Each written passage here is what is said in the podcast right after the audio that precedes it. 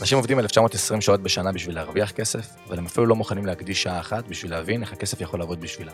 וזו חברים לצערי, העבדות המודרנית. בפודקאסט זה, מפת החום, המטרה שלי היא לבוא ולהנגיש את כל הכלים הפיננסיים שיעזרו לכם לצאת מאותה עבדות מודרנית. מה נשמע חברים? ברוכים הבאים לפרק נוסף של פודקאסט מפת החום. אה, אז כמו שאתם אה, כבר יודעים, כל המטרה של הפודקאסט הזה זה באמת אה, לדבר על הנושאים החמים בעולם הפיננסי, ובעיקר גם לתת זוויות שונות בצורת הסתכלות על החיים, כי אני מאוד מאמין שפיננסים זה כסף זה תוצר לוואי של הפעולות שאנחנו עושים. ולפעמים צריך להכיר אנשים שהם מקצוע, מקצוענים בתחומם והם מאוד מוצלחים, כדי לשמוע את הסיפור שלהם, אז היום אני מארח אה, איש יקר אה, בשם תומר לוינסקי, מה נשמע? אהלן, מה העניינים? בסדר גמור. אה, קודם כל, תודה רבה שאתה מקדיש מזמנך ומתארח, זה ממש לא מובן מאליו. תודה רבה שהזמנת אותי להתארח. ואני אתחיל ככה, למי שעדיין לא מכיר, מה, ספר טיפה על עצמך, בין כמה, מאיפה, מה, מה עושה בחיים, וככה נצלול, כי יש, נצלול לעומק של 100-200 כן. מטר. אז uh, כמו שאמרת, תומר לוינסקי, בן 34, מחיפה, uh, בעלים ומנכ"ל של חברת לאוס מדיה ואינטראקטיב. Uh, זה בעצם העיסוק העיקרי, בוא נגיד את זה ככה. אמנם היום אני כבר מתעסק בעוד דברים ויש עוד חברות, אבל הרוב היום שלי אני באמת בכובע של המנכ"ל והבעלים של חברת לאוס מדיה ואינטראקטיב, שם זה בין חברות הדיגיטל הכי גדולות בישראל, מהוותיקות. חוץ מזה באמת יש לנו גם את uh, חברת פרספקטיב שהיא חברת צילומי וידאו שהצטרפה אלינו ורכשנו אותה לא מזמן ויש לנו גם, uh, יש, יש לי גם סוכנות שחקני כדורגל נכון. שאני גם מתעסק וגם יש עיסוקים של נדל"ן ובאמת אוהב להתעסק ולעשות וליזום, בעיקרון אני יזם אז כל דבר שיש בו יזמות מרגש אותי ו... כן. ומעניין אותי מאוד. בוא, בוא, יש, יש המון, כאילו מספיק שתרשמו תומר לוינסקי בגוגל, אינסטגרם, תבינו כבר כאילו שנייה במה אתה מתעסק, אבל בואי שניה נצלול איך, מתי התחלת להתעסק בתחום אה, הדיגיטל, איך זה התחיל, מה הזיקה? אז uh, לפני יותר מעשור באמת, uh, קודם כל בעברי הרחוק התעסקתי במסיבות, אני חושב שזה ה, הבסיס. חיי לילה בחיפה. חיי כאילו. לילה בחיפה, מי, ש... מי שהיה יוצא למסיבות, uh, בוא נגיד מלפני 20 שנה או 15 שנה, זה כנראה מכיר את השם שלי. Uh, הייתי עושה מסיבות uh, בכל המקומות, בכל הסוגים, uh, לאט לאט עם הגילאים, גם לחיילים, ובאמת שזה היה העיסוק העיקרי, חיי הלילה, משם זה התחיל כל הנושא של יחסי ציבור, נקרא לזה, הרי יחצן זה יחסי ציבור. אחד לאחד. וכל העולם הזה, כל, ה, כל התחום הזה נורא פיתח אותי, את ה, אה, בעצם לעבוד עם אנשים, לשווק דברים, לפרסם. יחסי אנוש, כן. להביא אנשים, יחצן זה, זה עולם, וואו. אז uh, ככה בעצם התחלתי, זה הדברים הראשונים שעשיתי, בגיל 14 זה היה בעצם הפעם הראשונה שעשיתי עסקים, נקרא לזה. ואנחנו מדברים בעידן של אין אינסטגרם, סטורי, פייסבוק בחיתוליו. סטורי זה מצחיק להגיד בעידן הזה, בעידן שאין וואטסאפ, בעידן שכל מה שיש לך זה בעצם, אה, אתה יכול לעבוד עם הזמנות. כן, אה, פליירים כאלה. פליירים זה בעצם היה השיווק שלנו, אה, ובאותה תקופה באמת היינו עושים מסיבות, וילד בגיל, בגיל 14 שהולך וסוגר מקום עם אנשים מבוגרים, ומביא די-ג'אים, וכל ה, בעצם האנשים שהוא עובד מולו הם הרבה יותר בוגרים, אז זה כבר התחיל בגיל 14. כן.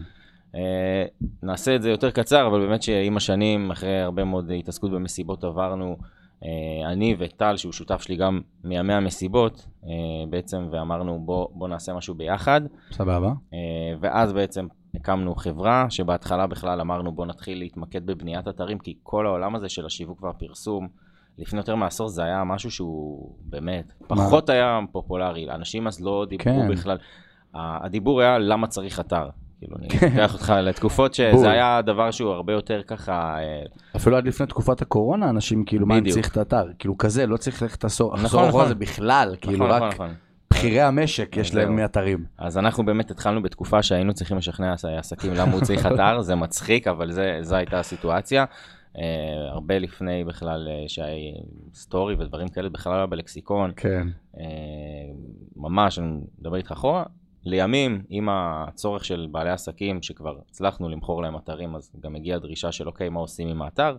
צריך לשווק אותו, לפרסם אותו, מה אפשר לעשות, ואנחנו בעצם התגלגלנו לתוך, ה... כאילו... לתוך התחום של הקידום ושל הפרסום, והיום באמת אנחנו עושים אה, שיווק, פרסום וקידום ליותר מאלף אה, בעלי עסקים, אה, ויש לנו היום בחברה אלפי לקוחות בסופו של דבר, נכון להיום, אחרי כל השנים האלה, וזה זה, זה בעצם הדרך שהתגלגלתי אני לתוך התחום הזה של הדיגיטל. ו- והלמידה היא, היא תוך כדי תנועה, כאילו היום אנשים, אתה יודע, היום יש עידן שאתה פותח יהודי מיוטיוב, אתה אומר איך אני עושה קידום מאומן, וכאילו יעני מלמדים אותך, אז מדברים הר, איך דברים, לומדים. הרבה מאוד דברים נלמדו מתוך uh, תוך כדי תנועה.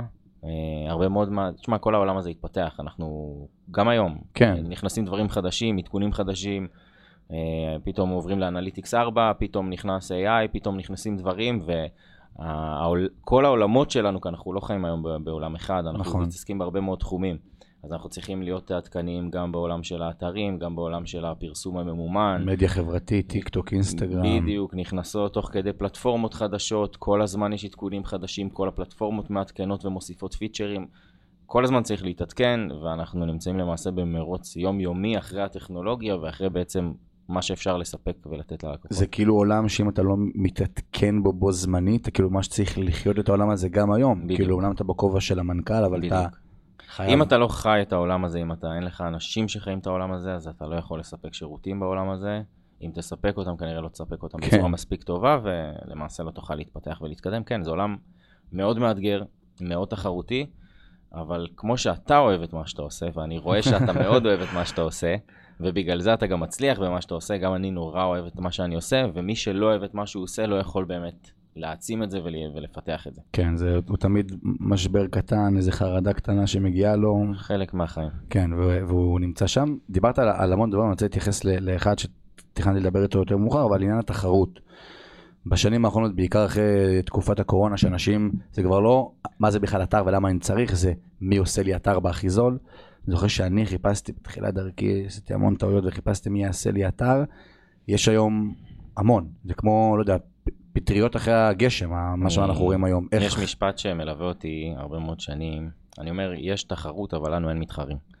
מה שבעצם זה אומר זה, בהחלט יש היום כל מיני uh, נותני שירותים, אבל כשאתה עושה משהו בצורה שונה, שאתה מוביל דברים מסוימים, שאתה יודע לספק שירות אחר, באמת שאין לך מתחרים, יש תחרות, בכל תחום יש תחרות, ותחרות גם זה דבר בריא. נכון. Uh, בסופו של דבר זה גורם לך uh, כן לרצות להשתפר, לעשות דברים אחרת, להתקדם.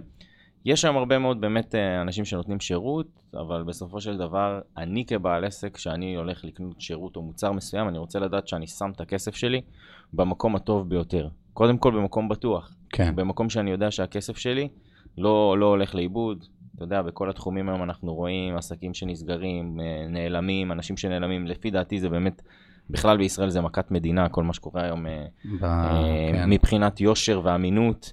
היינו החברה הראשונה שהצטרפה ובעצם הצטרפה לאמון הציבור עם תו אמון הציבור. יש לנו את תו מיוצר בישראל, אנחנו עובדים עם Dun's and Bradstreet מבחינת חותם האמינות, ויש לנו בעצם את כל.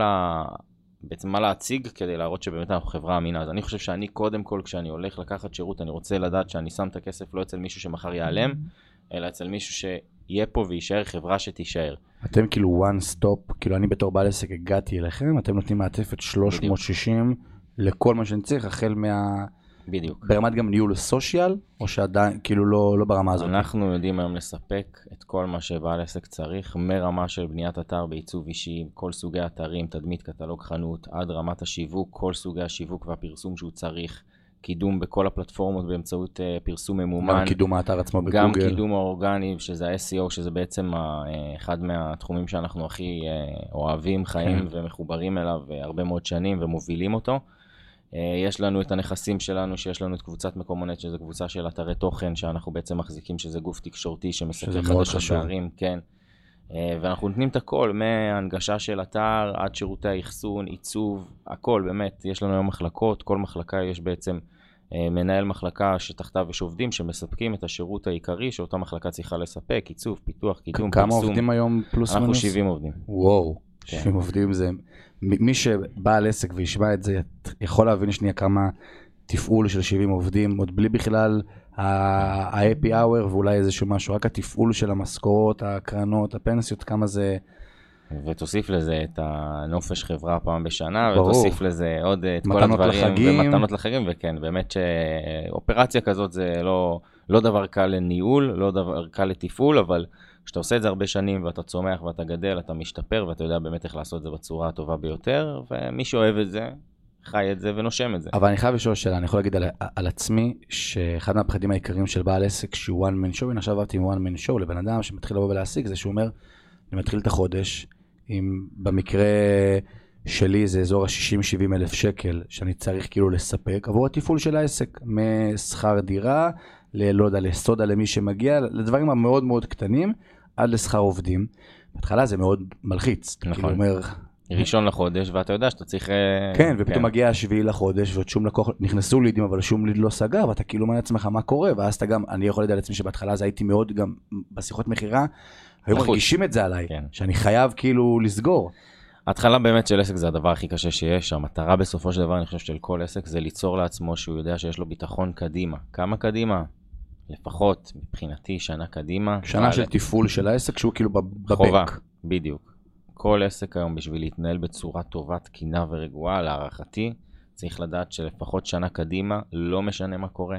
גם אם עכשיו אה, יותר גרוע מהקורונה ומלחמת העולמות, לא משנה כן. מה קורה, בעל עסק צריך לדעת ששנה קדימה יש לו ראש שקט, ככה הוא יכול לפעול בחופשיות, ככה הוא יכול באמת להתנהל לא ממקום של לחץ, בול. אלא ממקום של באמת אה, ניהול התזרים וניהול העסק ו- ופיתוח העסק, וממקום רגוע. ההתחלה היא תמיד קשה, גם אנחנו, אה, היה לנו התחלה קשה, אבל כשאתה יודע לבנות את עצמך נכון, בול. ושאתה יודע אה, איפה אתה עומד ואתה יודע להסתכל על העסק מלמעלה, מה ההוצאות שיש לך, מה ההכנסות שיש לך, כמה הכנסות צפויות להיות לך בלפחות שנה הקרובה, ואתה רואה קדימה את כל הדברים ואתה יודע בדיוק מה קורה, אתה יכול להיות רגוע. נכון, לא כל עסק יכול להגיע למצב שהוא יודע אה, נכון. מה, מה ההכנסות שלו עוד חצי שנה או אפילו עוד חודש.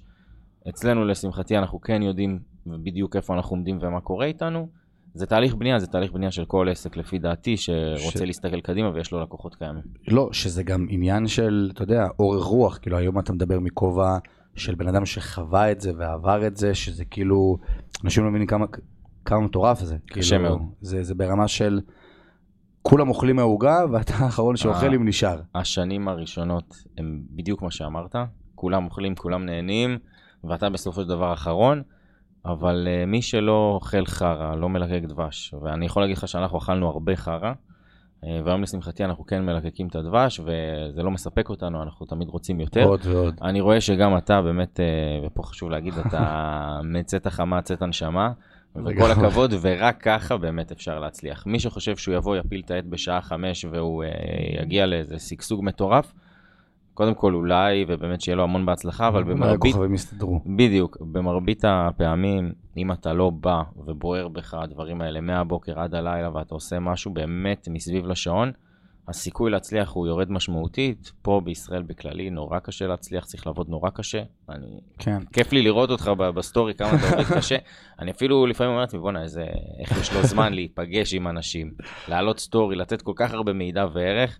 אז גם אני יכול להגיד עליך כל הכבוד. תודה אני רבה. לפעמים יש ימים שאני פשוט לא, לא מצליח לעלות סטורי אפילו בכלל, אני אומר לעצמי, בואנה, אתה יוצא מפגישה, נכנס לפגישה, רעיונות, דברים וזה, כן. לפעמים אין זמן אפילו להקדיש לדברים האלה. לא, אמרת משהו שהוא מאוד מאוד נכון, העניין של תמיד אנשים שהם, נקרא לזה בכובע של השכירים, ואני פעם אומר, אין לי בעיה עם השכירים, כל המשפחה שלי שכירים, אני מת על שכירים. כנ"ל. ולא, מישהו שאומר, כאילו, מדבר על השכירים, זה נשמע איזה מילת גנאי, לא, שכיר לא. זה בסדר גמור. מה, יש שכירים שחלום כן, איתם. כן, חלום. ואני כאילו... אני כאילו אומר, בסוף, אנשים חושבים שעצמאי זה, זה כמו שאמרת, ללקק דבש, באתי, לא. עשיתי זה. חבר'ה, בן אדם שהוא מחליט ללכת בדרך משלו, עזבו שנייה את כל הפן המנטלי, חרדות, פחדים, לחצים, שלפחות קורה בהתחלה וגם בסוף. את העניין שהוא לא עובד 9 to 5, הוא עובד 9 to 9, וגם ב-9 שהוא מתקלח, הוא במקלחת חושב על רעיון, והוא יוצא מהמקלחת והוא רושם את זה לעצמו, וכאילו זה... לא נגמר, ולפעמים הוא מתבלבל לי, אני עונה ללקוח פתאום בשעה 12 בלילה, שהוא שלח לי הודעה, ואני כאילו לפני שנייה קראתי על המניה, והוא אומר לי, אחי תגיד לי, אתמול לקוח שולח לי הודעה, אני במיטה, אני בא לסגור את העיניים, ללכת לישון, הוא אומר, תגיד לי, אחי, מתי אתה, מתי אתה יושן, כאילו? ואני אומר לו, בסדר, כאילו, בשביל זה באתי לחיים האלה. האמת שבול, במקלחת לפעמים עולים לך רעיונות uh, מטורפים. כן. אני יכול להגיד על עצמי, באמת, נגעת פה בנקודה, אני 24-7 חושב, שישי, שבת, לא משנה מתי. הראש עובד. גם אם אתה פיזית כרגע לא בתוך איזה פגישה או במשרד, הראש תמיד עובד. אצלי אני באמת פוגש את זה כל הזמן, פתאום רושם לעצמי בפתקים משהו, זה יכול להיות גם באמצע של חתונה שאתה באירוע בכלל, פתאום עולה לך משהו בראש, אתה רושם לעצמך משהו בפתקים וממשיך כבר אה, לטפל בזה אחרי זה, אז כן, זה... זה, זה אורח חיים שונה, ו, ואני גם זוכר ש, שלא הייתי בתקופה הזאת, שהייתי בתקופה שהראש היה ריקני, אני יכול להגיד שהייתי בצבא, אז אתה יודע, מה אתה, יוצא שבת, מה המטרה שלך? ללכת, לצאת בשישי בערב. אה, חמישי. חמישי, שישי. ו... ופתאום היום הראש לא מפסיק לעבוד. פעם מבחינתי, אמרתי את זה גם פעם אחת בפודקאסט נראה לי הקודם, שמבחינתי יום חג היה יום, יום חג, כאילו מהבוקר אני מכיר, אמא שלי מורה, אבא שלי שכיר, נמצאים בבית, לא עושים כלום. היום, עד שהעורך לא נכנס בדלת, אני עוד יכול uh, לעלות סטורי ולקרוא דוח של חברה, כאילו כזה. שזה, שזה נמצא מדהים. דיברת מקודם על עניין של האמינות. אתה בתור um, מנכ"ל לאוסט, לא לפעמים נתקלים בבעלי עסקים שהם מחפשים, נקרא לזה, את הזול, ואחרי זה משלמים ביוקר, כי, כי בסוף אתה מגיע למקום שנותן לך מעטפת מלאה. הוא גם מן הסתם יהיה כנראה מחיר טיפה יותר גבוה. אה, קודם כל זה קורה כל הזמן. אה, באים אלינו לא מעט אה, לקוחות שבנו להם אתר, אבל במעבר בין האתר לאתר הקודם לא עשו הפניות 301, למי שלא יודע זה בעצם שינויים של URLים שבעצם משתנים מאתר לאתר, או סיפורים כאלה, ורואים שהאתרים ממש התרסקו במיקומים. כן, או פיקסלים, או לא משנה מה. כן, דברים שלא הטמיעו להם, דברים ששכחו. אה, אני אגיד לך, זה, זה טיפה, אני אנסה לענות בקצרה, אבל בגדול יש בתחום שלנו הרבה מאוד נותני שירותים שמספקים רק שירות ספציפי. זאת אומרת שיש אנשים שרק עושים קידום, או רק עושים פרסום, או רק עושים אתר. בהשקפה שלנו, זה מאוד בעייתי לעבוד עם מישהו מאוד כזה. מאוד בעייתי. כי אז בסופו של דבר אתה מקבל אולי שירות אחד שאולי תקבל אותו טוב, אבל על הדרך דברים אחרים מקבל עשרה אחוזים מהמאה אחוז. בדיוק, ואז לפעמים אה, אותם נותני שירות בגלל חוסר תקשורת או חוסר ידע או כל מיני דברים כאלה לא עושים דברים מסוימים, או פוגעים בעצם בסופו של דבר בלקוח, לפעמים אפילו לא יודעים. אה, ואנחנו בהשקפת ראייה שלנו צריך להיות בעצם one stop shop שכל ה... אה, כל המשוואה, כל, כולם מדברים עם כולם וכולם מקדמים את אותו פרויקט. אינטגרציה מלאה. מנהל פרויקט שרואה את הכל מלמעלה ויכול באמת לוודא שהכל כמו שצריך, ואם משהו לא כמו שצריך אז הוא יכול לבוא ולהתערב ולהגיד למה לא עשיתם ככה, למה כן עשיתם ככה, אולי תעשו, כאילו, ואז הדברים באמת קורים יותר טוב. אה, וכן, מי שבסופו של דבר אה, עושה בחירות לא נכונות, זה קורה עם כל הספקים. אתה יכול הכל. לבחור ספק לא טוב בכל, בכל דבר בעסק, זה יכול להיות בתקשורת, זה יכול להיות ב-IT, זה יכול להיות בהכל, ולפעמים אתה תשלם על זה מחיר כבד עד שתגיע לספק טוב שתישאר איתו. השאלה אבל איך, איך משחררים, אני קורא לזה מלקוחות כאלה, לקוח שלא יודע, עובדים עליו, מדברים איתו, מקדישים לו זמן, ואתה כאילו אומר לעצמך בתור הניסיון שלך, וואלה, אם הוא יגיע, הוא יהיה מרוצה, אתה כאילו יודע, אני רק צריך שהוא יישב פה על הכיסא, ואני מבטיח שעוד שנה מהיום, הוא יוצא והוא אומר, תומר, זו ההחלטה הטובה ביותר שקיבלתי בחיים שלי. איך משחררים מזה? הסברה זה דבר מאוד חשוב. פה אתה נוגע באמת במקום של היועצי שיווק שלנו, היום יש לנו אה, אה, מחלקה של יועצי שיווק, שזה מחלקה עם יועצי שיווק שהם באמת עם המון ניסיון. אה, רוב המחלקה זה אנשים שעובדים בחברה מעל לחמש שנים, וזה. אנשים מאוד מקצועיים שחיים את התחום, שמכירים את התחום, והם בעצם עושים את תהליך ההסברה, את בניית האסטרטגיה, את הכל, כדי באמת להסביר ללקוח איפה אתה היום תהיה עוד שנה, איך מראים את זה בצורה הכי פשוטה, לקוחות ממליצים. כן, אה, אין- מראים סיפורי הצלחה, מראים תוצאות, אנחנו אה, היום תוצאה ראשונה בביטוי לקוחות ממליצים, כשאתה רושם לקוחות ממליצים בגוגל, לא משנה, כאילו, רק לקוחות ממליצים, לא קשור לתחום, וואלה. אנחנו תוצאה ראשונה, כן, קידמנו את עצמנו, וזה כלי מכירה שלנו, יש לנו שם 200 סרטונים של לקוחות שונים שמספרים. וממליצים, שזה המון, רק לצלם את זה. אה, מבחינת זמן זה לא מעט ימי צילום, אה, ואנחנו כל הזמן מצלמים ומגדילים, וזה משהו שהוא מאוד חשוב, כי בסופו של דבר זה הדרך לבוא ולהראות בצורה הכי טובה, אה, למה כדאי באמת לעבוד איתנו ואיפה אתה יכול להיות, ולקוח ממליץ זה הדבר הכי, הכי חשוב. הכי חשוב, אני גם תמיד אומר שלקידום ממומן בסופו של דבר יש גבול. במיוחד בארצנו הקטנטונת, יש גבול כמה אני יכול לשים מומן, אני יכול לשים הרבה. אבל בסוף אם לקוח יצא ממך, הוא ידבר בישיבה, בארוחת שישי ערב, או באיזה פגישת עבודה, והוא ימליץ, זה זהו, לא, יותר חזק. לא צריך יותר כלום. לא צריך את ה sponsored ולא צריך את ה boost up, ברור. לא צריך כלום. פשוט שהוא יגיד, הוא מרים צלצול, הוא כבר אין יותר חם. ממנו. זה לקוח שנמצא שם. לקוחות מפה לאוזן זה בדרך כלל אה, הלקוחות הכי חמים, הכי טובים. אה, אומר את זה, אני אומר את זה בתור בן אדם שרוב הלקוחות באמת מגיעים מהדיגיטל ומאמין בדיגיטל, אבל אני יודע גם בסופו של דבר שלקוח שמגיע מפה לאוזן, זה הדבר הכי קל היה כאילו כן. לסגור אותו מה שנקרא. זה לקוח שנמצא שם. איך, איך אתה חווה בתור בעל עסק, בין אם זה בשינוי המחלקות בתוך העסק, את שינוי שחל במדיה בשנים האחרונות, שהמדיה החברתית נהייתה, כאילו איך, איך מסתגלים לזה, איך מקדימים שנייה את כולם, כי רוצים להיות הראשונים בתחומנו, איך עושים את זה?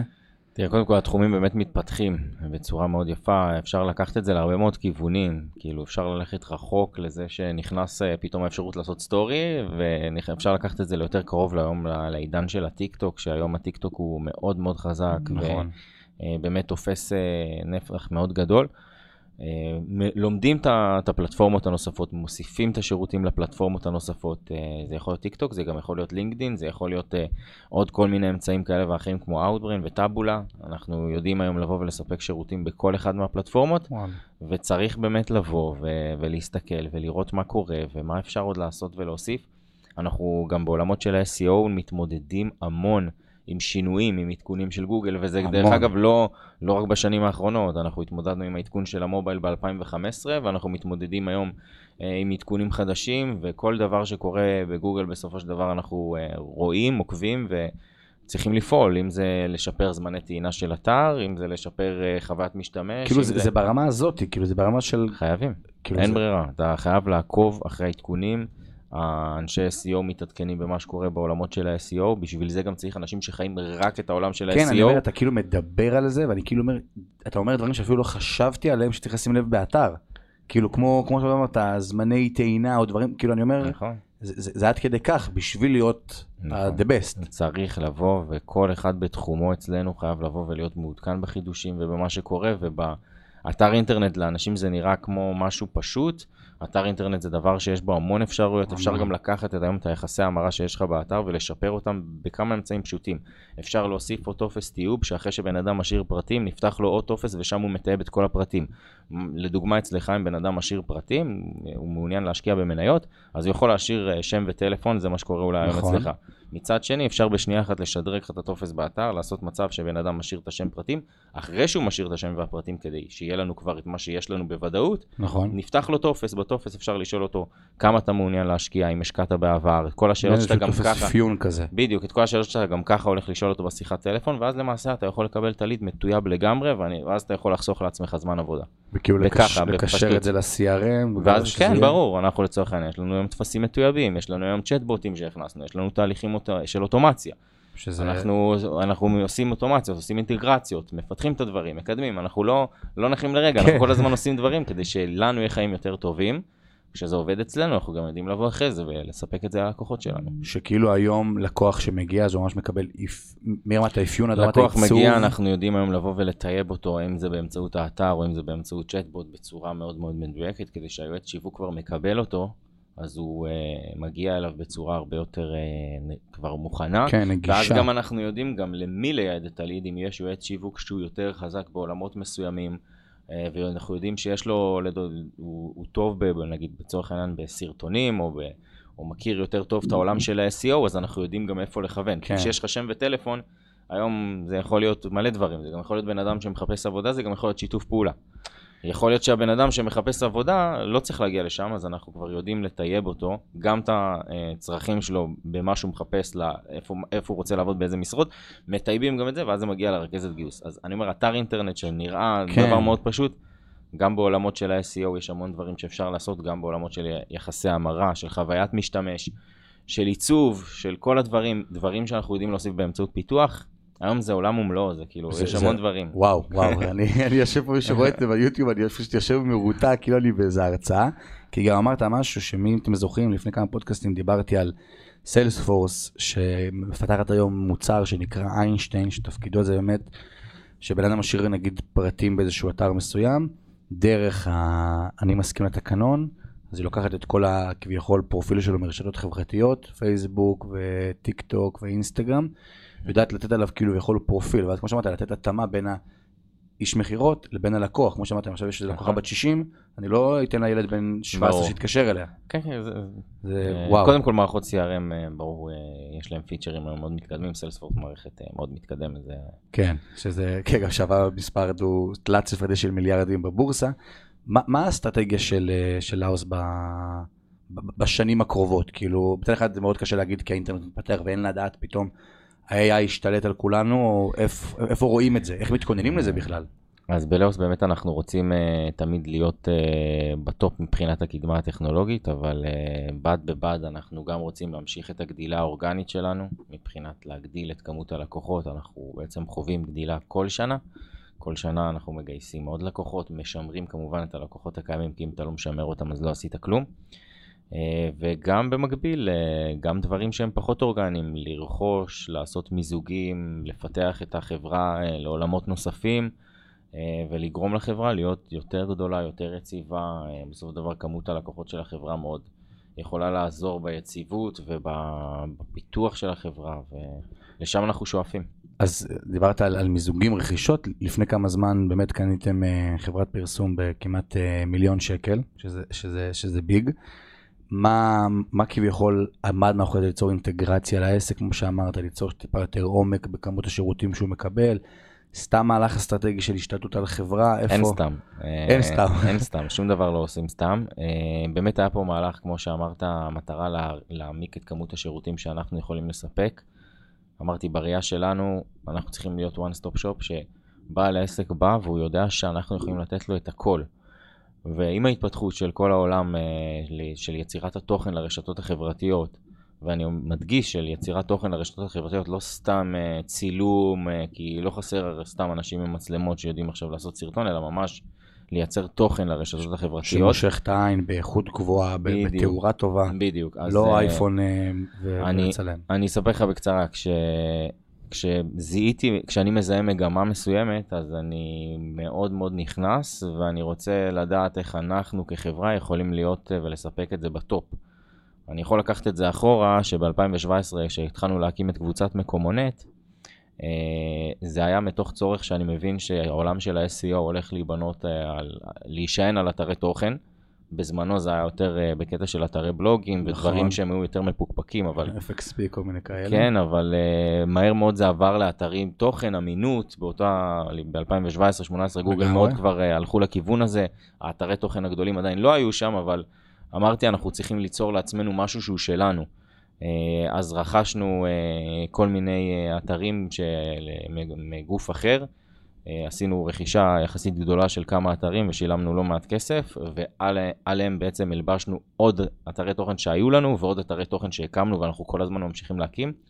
ויצרנו את קבוצת אה, אתרי התוכן, להערכתי בין הגדולות בישראל, אה, שהיום רוב מקדמי האתרים שרוצים לקדם אתרים גם רוכשים מאיתנו כישורים. וואלה. כדי לקדם את האתרים שלהם. כאילו שטחי פרסום כאלה. כן.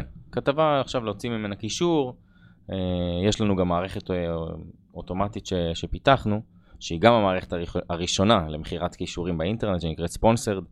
אה, וואלה. כן, אז אה, מקדמי אתרים עובדים איתה. והיום זו פעילות נפרדת שכמעט, ואתה יודע, לא על המפה, אבל היא קורית תחת החברה שלנו. שהיא חברת כביכול בת של זה, לאוס. זה תחת החברה שלנו, אה, מותג שלנו, של לאוס, שמקדמי האתרים שרוצים לרכוש כישורים באים, נכנסים, קונים. דרך אגב, חלקם אני לא בטוח בכלל יודעים אם יש קשר, חלקם כן, חלקם לא. אה, אבל, אה, ולפעמים גם לקוחות פרטיים קונים כי הם מגיעים לאתר, אבל האתר הזה הוא אורגני לגמרי, והוא מבחינתי סיפור הצלחה מעולה. מה, מדהים. אז אני חוזר כמו שב-2017 גיליתי וראיתי וצפיתי את פני ה... את השטח ומה שהולך לקרות ואמרתי אוקיי אנחנו חייבים שיהיה לנו uh, אתרי תוכן כדי שנוכל ואנחנו עד היום מבחינתנו זה דבר שמשמש אותנו יום יום את הלקוחות שלנו. uh, אז בערך ב-2020 גם ראיתי שאנחנו צריכים לבוא ובעצם להתחיל לספק uh, את כל הנושא של צילומים ו- וראיתי שכמה שהקמפיינים בסופו של דבר תלויים במדיה מאוד. אה, אז אני באותם, באותם רגעים אה, החלטתי שאני בודק את כל החברות שיש בתחום שמספקות אה, את השירותים של צילום, עריכה ל- לרשתות חברתיות. היה, בעצם הגעתי לשלושה גופים שקיימו ופעלו באותם, באותם תקופה, באותם זמנים. יצרתי קשר עם כולם, החלטתי לעבוד עם שתיים מהם. ובסוף קנינו אחד מהם. אז זה בעצם התהליך שאני עברתי בערך בתוך שנה. למה החלטנו ללכת על uh, אותה חברה? היה חיבור עם האנשים, היה חיבור מעולה, הרמה הייתה הרמה שייצרה לנו את התוצאות הכי טובות, זאת אומרת השווינו כן. את התוצרים שקיבלנו, ראינו שזאת חברה שהיא גם באסטרטגיה, גם מבחינת הביצוע מספקת לנו דברים כן. טובים, ראינו שגם הם מבינים את הערך הגדול בחיבור איתנו מבחינת כמות הלקוחות, הניהול, האפקטיביות, המוניטין. ומה שזה יכול להיות, המוניטין והכל. אה, ובעצם עשינו את העסקה הזאת וצירפנו אותם. כרגע אנחנו בסך הכל אה, עובדים פחות משנה ביחד, אבל אה, מדובר באמת מבחינתנו בסיפור הצלחה, כי לקחנו אותם אה, ממחזורים מאוד אה, נמוכים. זה, זה לא שלא הייתה פעילות, הייתה פה פעילות, כן. והיה גם לקוחות, וזה גם חלק ממוניטין שהם צברו. אבל אנחנו כן. יכולים לבוא, ומה שעשינו בעצם נתנו פוש. שלפתם אותם, כן. כן, כי אתה יודע, הווליום שלנו הוא מאוד גבוה, ובלי עכשיו להסתמך על קמפיינים ודברים, יש לנו כבר לקוחות קיימים שגם צריכים את זה, ויש לקוחות מדי יום שמצטרפים לחברה, אז כן. נורא נורא קל לבוא ולקחת פעילות כזאת משלימה ולדחוף אותה, ועשינו את זה, האמת שזה כאילו, כמו שחזינו שזה, יהיה, ככה זה קרה. שכאילו המודל הוא, כאילו, מה שאז פורסם, זה כביכול, יעני לקיחת בעלות וחלק... כן, מ- אנחנו בעצם אה, לקחנו את החברה, 50% אנחנו לאוס אה, שותפים, 50% נשארו אה, בעלי המניות הקיימים, ובעצם הם נשארו כמובן למנכ"ל, לנהל, לתפעל, הגדלנו את כמות האורחים, עברנו משרדים, אה, אה, כן. הכנסנו גם עוד אלמנט של שיווק, ייצרנו גם ביחד סיסטמתם מוצר את כל חדש. המערכת. כן, ייצרנו גם אה, מוצר חדש, הכנסנו דברים, חיברנו גם עובדים שלנו שהיו יותר אחראים על זה, אה, וכן, ודחפנו את זה בבום, כאילו, אבל אה, שוב פעם, אנחנו עדיין... אה, שזה...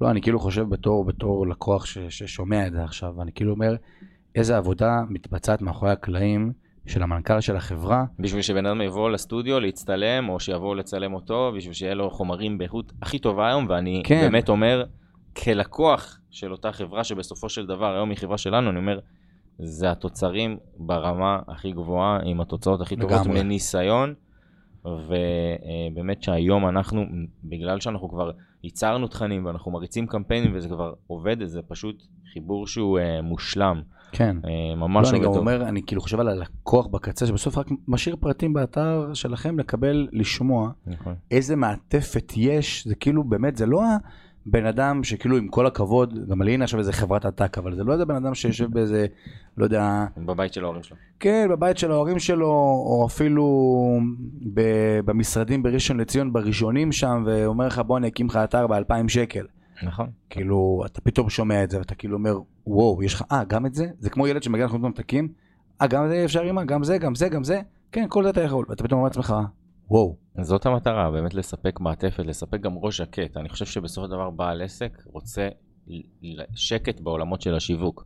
שיעשו לו את הסרטונים, שיקדמו אותו ברשת, שיבנו לו את האתר, שיכתבו לו את התכנים, היום יש לנו מחלקת תוכן, שיעשו לו את הכל תחת קורת גג אחת, שהוא שם את הכסף, מקבל את התוצאות ועושה את מה שהוא אוהב לעשות ומה שהוא צריך לעשות, שזה בעצם לטפל בלקוחות ולגייס את הלקוחות שלו. כן, שזה להוריד משהו מאוד כן. גדול מהעסק, כל ה... אנחנו מהווים למעשה סוג של מחלקת שיווק לבעל עסק, שהיום צריך שיווק ופרסום לעסק שלו, אנחנו יכולים לספק לו את כל מה שמחלקת שיווק צריכה לספק לו, עיצוב, תוכן, פיתוח, קידום, פרסום, הכל. הכל, וגם היום את הסרטונים. לא קורה לפעמים מצב, וזה כבר התנהלות של לך בתור יזם, בתור משקיע, שאתה עובד, אתה עובד עם הרבה בעלי עסקים, שאתה אומר שנייה לשותף שלך, תשמע, יש, יש מצב שכאילו בוא גם ניכנס פה אולי 20 אחוז, ופה 30 אחוז, ופה 50 אחוז. זה קורה, זה קרה. זה קורה, זה כל הזמן קורה. אני יכול להגיד לך, אנחנו באמת בשנה האחרונה מוצפים בבקשות, אה, באמת מוצפים. אני אומר לך שיש ימים שלפעמים אנחנו צוחקים כבר עם עצמנו, שפונים אלינו מכל כך הרבה מקומות, בוא תיכנס שותף פה, בוא תקים פה, בוא תעשה איתי פה, אני מחפש. בסופו של דבר, יש לנו זמן.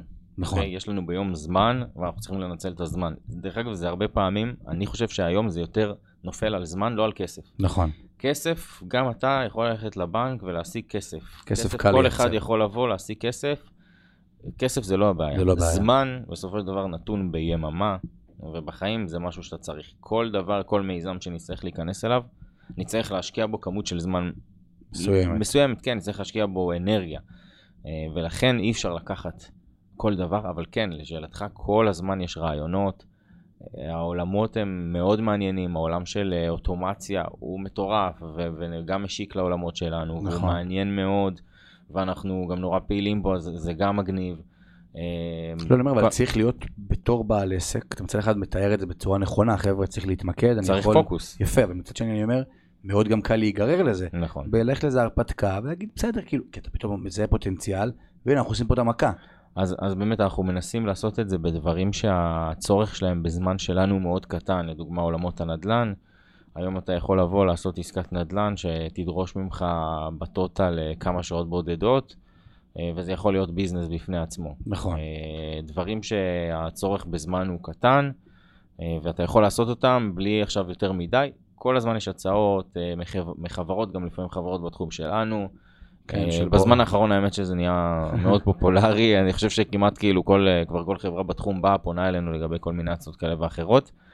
אה, אבל אה, אי אפשר לקחת הכל, וכל דבר דורש זמן. גם להיפגש, לשבת עם בן אדם כדי לשמוע מה הוא רוצה להציע לך זה זמן. בול, זה הדברים הקטנים האלה, עוד לפני כן, בכלל שאנחנו... עוד לפני, עוד לפני. גם לבוא ולהקדיש עכשיו לבן אדם שעה, שעה וחצי, שעתיים, לא משנה אם זה פגישה פרונטלית או בזום או לא משנה מה, זה זמן. וגם את הזמן הזה צריך לדעת אם אתה בכלל רוצה לבוא עכשיו ולהקדיש לבן אדם את השעה, שעתיים, כדי לשמוע מה הוא בכלל רוצה להציע לך, כי כן. בשעה, שעתיים האלה אתה יכול אולי לעשות דברים אחרים. יותר חשובים ויותר בוערים ויותר דחופים, או אולי דברים שיכולים להניב לך גם יותר. אז כן, הכל בסופו של דבר, אנחנו כיזמים, כאנשים שהם בעצם אחראים על, ה, על, ה, על עצמם, על העסק שלהם, על העסקים שלהם, זמן זה הפונקציה הכי יקרה והכי חשובה. לא, אני גם אומר, אתה אומר פה משהו מאוד מאוד חשוב שכל בעל עסק צריך לבוא ולדעת, ללמוד להגיד לא לפעמים. נכון. שלפעמים זה נשמע לסביבה, כאילו, מה, מה אתה, אה, אתה פתאום בגבוה אז אתה אומר לא, ולא. אני, כאילו, לא קרה לך שחבר'ה עוד מימי תומר יחצן בגיל 14, אה, ליום של היום, הוא אומר לך כאילו, אה, אתה נהיית, נהיית גבר. אני, לא, אני לא, אני באמת שאני לא מרגיש את זה. אני חושב שאני מעניק לכולם תשומת לב, אה, כולם, כולם, כולם. אני בכלל, אני חושב שאני איש של אנשים גם, אני אוהב אנשים, ואני כן. תמיד אה, פנוי ומשתדל לענות מהר, ואני גם לא מסנן אף אחד, אז באמת שאני לא, לא במקומות האלה. אבל, אבל כן, לפעמים אנשים באים ומציעים לך הצעה שאתה צריך לבוא ולהגיד להם, כרגע אין לנו, ואנחנו אומרים את זה, אנחנו אומרים כרגע אין לנו זמן לבוא ולהקדיש לנושא בגלל התחייבויות קודמות, זה, זה גם באמת נכון. כן, זה לא איזה... Uh, אני יכול להגיד לך שבראשון לחודש, בראשון לראשון, השנה 2023, הגשנו בקשה לפתיחה של שתי חברות. שאתה מקים שתי חברות חדשות, כן. ויש לך פעילות קיימת, ויש לך עיסוקים, ויש לך דברים.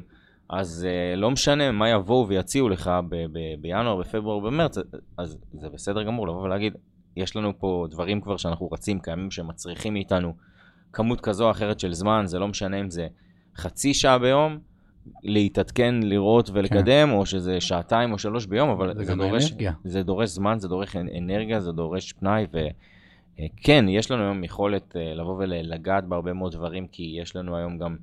אה, מערך מאוד גדול, אנחנו יכולים לקחת uh, כמעט כל uh, עסק ו- ולתת לו את המענה השיווקי שאנחנו נותנים. זה גם הסיבה למה באמת נכון. אנשים פונים אלינו, וזה גם הסיבה למה דברים אחרים שאנחנו עושים גם באמת מצליחים.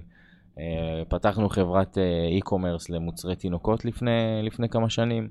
ויש לנו uh, גם uh, היום uh, סוכנות שחקני כדורגל, שבתוך כן. כמה חודשים הגענו למצב שאתה רושם סוכנות שחקני כדורגל, או כל דבר שקשור בעולמות האלה מסקאוטינג, אנחנו תוצאה ראשונה גם באורגני וגם בממומן, אז נהיינו בעצם הסוכנות שחקנים של כדורגל, בעיקר של שחקנים צעירים, הכי בולטת והכי מובילה בישראל, בפרק זמן של פחות מחצי שנה. וואו. אז uh, אנחנו עושים דברים ויש עוד דברים שאנחנו עושים. Uh, צריך לדעת למצוא פרטנרים טובים, שותפים טובים שאתה מאוד. יכול לבוא.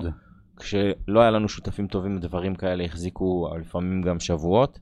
כשיש לך שותפים טובים שאתה יכול לסמוך עליהם, שהם באמת עם רעב, עם אמביציה, אז אתה יכול לעשות דברים uh, אחרים, והם יכולים לגרום לך גם להיכנס לעוד עולמות. אבל צריך גם לדעת למי להגיד לא. מעולה. עכשיו, השאלה שלי, שבתור אתם מתרחבים כל הזמן, איך אפשר כביכול, זה לא איך אפשר לסמוך, אבל האצלת סמכויות, לפעמים זה משהו מפחיד בתור עסק, כי, כי זה כן. שלי. עכשיו אני פתאום נותן את תחום האחריות הזה אליו. איך מבצעים את העברת מקל הזאת בצורה שהיא איכותית, מוצאים פרטנר טוב? אה, בעצם הדבר הראשון שאתה צריך לדעת כשאתה עושה הצלת סמכויות, זה לקחת בחשבון שמה שתאציל יקרה פחות טוב מאיך שאתה תעשה אותו. קודם כל אתה צריך להשלים עם זה. כן. הבעיה של הרבה מאוד מהאנשים שהם לא משלימים עם זה, שאם הם יאצילו סמכויות למישהו, אז הוא לא יעשה את זה טוב כמו שהם היו עושים, ואז הם מלכתחילה לא רוצים ומתבאסים ואומרים כן. לא, לא, הוא לא יקרה. קודם כל להבין שכשאתה כנראה תאציל סמכויות, יכול להיות שלא, אבל במרבית המקרים ובמיוחד בהתחלה, כנראה שמי שתאציל עליו את הסמכויות הוא לא יעשה את זה ברמה שאתה רוצה, שואף או מצפה. כן. ואם אתה מבין את זה, וברגע שאתה מבין את זה, זה נהיה הרבה יותר קל, ואתה מבין שזה תנאי הכרחי, וזה תנאי חובה לגדילה. קח היום את האנשים הכי גדולים, קח את המנכ"לים, לא משנה, כן. החברות הכי גדולות. בסופו של יום, מי שעומד בראש לא עושה את העבודות היומיומיות או את המשימות היומיומיות. הוא צריך לעסוק בדברים אחרים שהם הרבה יותר חשובים, שרק הוא יכול לעשות אותם, שהם הרבה יותר קריטיים. נכון, זה לקח זמן עד שאתה יכול להגיד לעצמך, אוקיי, בוא ניתן לו לנהל. לפעמים גם הניהול לא יהיה מספיק טוב, כי הבן אדם אין לו את הכישורים, אין לו את המקצועיות, אין לו את היחסי אנוש, וזה בסדר. צריך לדעת לקבל את זה, צריך לדעת להבין את זה. ברגע שאתה מבין את זה, יותר קל לך לשחרר, ואין מה לעשות, זה, זה איזשהו משהו שאתה בסופו של דבר נותן, וגם צריך להבין שלוקח זמן עד שבן אדם שהצלת עליו את הסמכויות המסוימות, ידע לעשות את זה ברמה טובה, אבל זה תנאי הכרחי. שזה גם לפעמים גם זה יכול לבאס שפתאום הלקוח מתקשר אליך ותשמע והיה לי פגישה עם ההוא ואני לא כזה מרוצה. נכון. אבל צריך ללמוד ולהבין שנייה ש, שזה, כמו שאמרת, תנאי הכרחי, הרי אחרת Mm. בוא נשאר בוואן מן שואו עד סוף ימי חיינו. תראה, בתור מי שמגייס, מכשיר, מנהל ו- ומתעסק עם עובדים בשוטף, אין ספק שזה חיי היום-יום שלנו, כן. ותמיד אנשים יהיו מאוכזבים יותר ומאוכזבים פחות, או שמחים יותר, או או זה, אין מה לעשות, זה דברים שצריכים לא לחדור אליך. אתה צריך לקחת דברים בצורה מקצועית, להבין שתמיד לכולם יש איפה להשתפר, ואין מה לעשות, אם לא תאציל סמכויות, אתה אולי תהיה עם הרבה סמכויות, אבל לא תוכל להתקדם. אתה תתבע ולא תוכל להגיע לשום מקום. אני מבחינתי, הדבר הכי חשוב בשביל להתפתח בכל עסק, זה לדעת להאציל סמכויות, לדעת לשחרר, אה, ולדעת גם לבקר את הדברים. זאת אומרת, לא רק לעזור, אלא לדעת גם למשב. כן. אנחנו מוצאים את עצמנו עושים משובים בצורה תקופתית לכל העובדים. אני נורא חשוב לי להצליח להגיע אה, לשיח של משוב וגם לשמוע. משוב זה לשני הכיוונים, זה ברור. לא רק כיוון אחד. לכל העובדים. אה, אני יכול להגיד שאני מתעסק יחסית הרבה בכל הנושא של גיוס, של הכשרה, ומלכתחילה, כל שאלה שאני שואל לאנשים שאני נמצא איתם ברעיונות עבודה זה איפה הם רואים את עצמם, ואם הם מחפשים להתפתח, ואם הם מחפשים כי בסופו של דבר גם אנחנו רוצים שאנשים שבאים לעבוד הם כן יהיו ברור. אנשים שיבואו לקחת על עצמם ו- וירצו להוביל וירצו בעצם אה, להתפתח עם החברה ולצמוח עם החברה. אה, אבל גיוס עובדים זה בכלל כבר שאלה ועולם שלם מאוד עולם. גדול ועולם שאני באמת אה, מוצא את עצמי מתעסק בו לא מעט ביום יום. כן, לא, זה, זה, זה עולמות אה, מדהימים, בסוף חשוב, אנחנו עובדים עם אנשים, וחשוב גם להגיע נכון. לכל בן אדם, ולא להגיד, טוב, אני רק חייב שהוא יסיים את המשימה שלי, כי הלקוח מחכה. ההצלחה של כל חברה, במיוחד בתחום הסרוויס, כי אנחנו בתחומים האלה, זה בסופו של דבר בהון האנושי ובאנשים. הכל. ואם אנחנו לא נדע לבחור את האנשים הנכונים, ואם לא נדע לטפל ולהכשיר את האנשים הנכונים, אז החברה לא תוכל להתקדם. צריך לדעת לתת להם גם את הידע, צריך לדעת גם לתת להם את המענה לכל צורך שיהיה, לטוב ולרע. צריך לדעת גם לתת להם את הפנאי, אה, אם זה באירועים. אה, יכול להגיד לך שכל שנה אנחנו משדרגים את אירוע פורים שלנו, והשנה אפילו עשינו אירוע פורים אה, עם אה, סטנדאפיסט, וממש עם בני זוג, ו... חשוב מאוד. ובאמת הצלחנו ליצור אירוע שפורים זה, אתה יודע, יש מקומות שאפילו אנשים לא מתחפשים, עשינו תחרות תחפושות והבאנו סטנדאפיסט ויצרנו באמת אירוע מדהים ורק סיימנו את פורים ואנחנו כבר מתכננים את הנופש חברה, אז אה, אתה חייב לבוא וגם באמת ליצור את הדברים האלה לעובדים, לתת להם להרגיש, חייב. לחבר אותם אה, אחד עם השני, במיוחד שהיום יש לנו שתי סניפים. ויש לנו עוד את הפרספקטיב שהם גם נמצאים בהרצליה, אז היום אנחנו מחולקים כבר לשלושה אזורים כן. בארץ, אז האירועים האלה זה ההזדמנות היחידה בעצם של כולם להכיר ו- ובאמת להיות ולהתחבר. אחד עם השני ולהתחבר, כי יש אנשים, נגיד, שעובדים בתל אביב, והם תוך כדי עובדים ביום-יום עם אנשים גם מהרצליה ומחיפה, והם צריכים לראות את, כאילו, את הפרצוף, כן. עם מי אני בכלל מתכתב ועם מי אני בדיוק, מדבר, עם ומי... מי אני מכתב במייל. כן, מי, מי, מי בכלל האנשים שאני עובד איתם, אז כן, זה נורא חשוב, ואנחנו שמים על זה נורא דגש, ובכלל, כל נושא של משאבי אנוש. לא, שזה, אני חייב להגיד לך, כאילו, וואו, כי אתה שומע שאני מדבר עם המון אנשים, שמבחינתם היום הזה שאתה, שאתם בתור חברה מקדישים למשאבי אנוש, ל, ל, לעובד או לעובדת שיגיעו הביתה ועם השי לחג, והבן או בת הזוג ישאלו איך היה, והיא כאילו תדבר באורות, שזה חשוב מכל העלאה בשכר. מכל משכורת, חד משמעית. ומבחינת הרבה לקוחות זה כאילו הרבה בעלי עסקים זה כאילו לא אבל זה יום עבודה וביום הזה אנחנו לא נעבוד אבל לפעמים הלא לעבוד יום אחד הוא ייתן הרבה יותר בלונגרן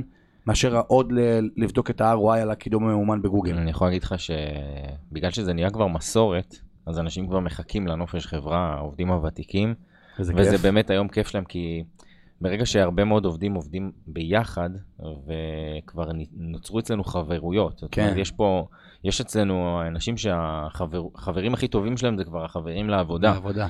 אה, ואז הנופש הזה והרגע הזה שבאמת הם יכולים עם החבר לעבודה באמת ליהנות ולא להתעסק בעבודה, זה משהו שנותן באמת פוש, והם לא עפים. על זה, ואתה מרגיש כמה הם ב-I, ואת הפידבק אחרי, הבאנו את אה, שנה שעברה, את אה, חן מזרחי, זה סטנדאפיסט מהשורה הראשונה. כן, זה ביג. כן, לא והוא בעצמו בא אליו ועושה לי, תשמע, אני כאילו ממש התלהב מזה שחברה, לא חברת ענק, אתה יודע, לא עכשיו... אה, שופרסל. כן, לא, שמביאים אותו חברה קטנה והוא גם יודע גם מה המחיר שהוא לוקח, והוא כן. יודע גם כמה זה עולה, אז הוא, הוא נורא התלהב. אה, ואנחנו דואגים כל שנה, באמת אנחנו רוצים להעלות את הרף ולתת באמת יום אחד של נטו fun וכיף והנאה, שזה... ו- ואנשים מחכים לזה. השנה אמרתי, הוספנו גם את פורים לעשות אותו גם איזה חצי אירוע, ואני אני, אני, אני מקווה שבאמת אנחנו נוכל תמיד לבוא וגם לתת יותר אה, בקטע הזה. שזה, שזה באמת מדהים, כי, כי היום, בעיקר בעידן שלנו, שאנשים רגילים לעבור עבודות כל שנתיים, שלוש, שאנשים נשארים חמש, שש, שבע שנים במקום אחד, זה מבחינתם זה, המון. זה נקרא, זה בעולמות שלנו מיתוג מעסיק. כן. אה, זה עולם, זה טרנד מאוד חזק שנכנס פה בשנים האחרונות. מיתוג מעסיק זה תחום שאני מאוד אוהב. זה מזה שלמישהו יש יום הולדת ואנחנו נותנים לו מתנה, עד הנופש חברה, עד הדברים הכי קטנים, אה, ובאמת לתת לכל אחד להרגיש חלק. ואני חושב שאנחנו בעולמות שלנו של הדיגיטל באמת אה, ברמה של המיתוג מעסיק עושים אה, יחסית אה, יותר משאר האנשים ואני רוצה שנמשיך תמיד. שזה, שזה מדהים. עכשיו אני רוצה לדבר איתך על שאלה שתמיד עניינה אותי, וסוף סוף גיא בן ה-25 יקבל תשובה לשאלה. פרזנטורים בפרסומות. נותני חסויות, תן נגיד נותני חסות להפועל חיפה בכדורגל. אני בתור גיא, וגם דיברנו על זה ככה בפרי גיים שלפני הפודקאסט, לא, לא, לא מבין, נגיד, לא שאני עכשיו רואה את רותם סלע, וגם זו דוגמה שהייתי לפני זה, בבנק דיסקונט, אני אגיד, וואו, אני עכשיו יבוא ויעבור. אתה לא אוהב את רותם סלע? לא. כאילו אבל באופן כללי אני רואה לפעמים לא יודע איזה דידי הררי ברמי קליינשטיין בתחנות דלק ג'ו לא יודע כאילו זה לא עושה לי מי? משהו השאלה, את מי אתה מצפה לראות? זאת אומרת, אתה בסופו של דבר כצורך פרסום, אתה רוצה שאיזה דמות תדבר אליך. הבנקים לא סתם לוקחים את כל הקומיקאים ואת כל האנשים שאנשים אוהבים. כן שים לב, תמיד הבנקים לוקחים פרזנטורים ודמויות שאנשים אוהבים ומתחברים. שיש קונצנזוס סביבם כן, שיש קונצנזוס, שהם אנשים כזה שכיף לך ובא לך לראות ובא לך לשמוע מה הוא אומר. אה, כל גוף בסופו של דבר צריך מישהו שיעמוד בפרונט שלו וידבר. עכשיו, כשאתה, העסק הוא גיא נתן, אז ברור שהכי קל זה שגיא נתן, כן ויש הרבה מאוד uh, עסקים שבאמת uh, זה נורא פשוט ונורא קל, וגם בעל העסק רוצה לדבר, אוהב לדבר, והוא גם עובר טוב. כן אבל uh, להערכתי, uh, רוב העסקים בישראל, בעלי העסקים, לאו דווקא יעברו טוב ברמה הפרסומית. לא כן. בגלל שהם לא נראים טוב, פשוט צריך לדעת איך לדבר. אתה צריך לדעת איך לעמוד, לדבר עם שפת גוף, לדבר עם הידיים, להסתכל, לשכנע. כן אה, ו- כריזמטי, להיות מושך. כריזמטי, אה, להתלבש טוב, לראות טוב. רוב היום בעלי עסקים בישראל, ואני מדבר על כל העסקים, זה, זה יכול להיות מעורך דין, ספר, רואה חשבון, אה, לא משנה מה מוכר תיקח. פלאפליה מורה, כן, לא משנה. הרוב הגדול לא כזה מרגיש בנוח מול המצלמה. אגב, ת- תקן אותי אם אני טועה, תומר. כן. שלום נגיד זה שנתת חסות להפועל חיפה, יש פה אסטרטגיה ברורה. כן, זה, זה משהו אחר, זה נפרד. זה האסטרטגיה עם הפועל חיפה היא משהו אחר, יש בו טובת גם רגש. הסוכנות.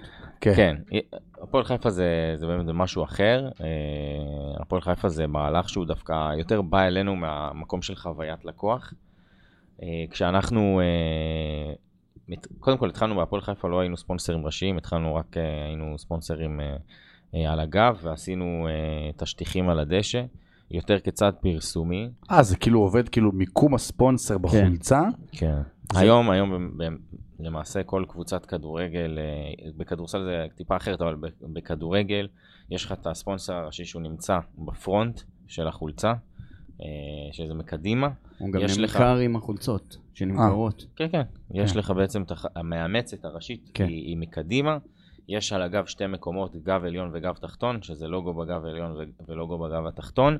יש לך ב- ב- כתפיים. בכתפיים גם, ויש על המכנס.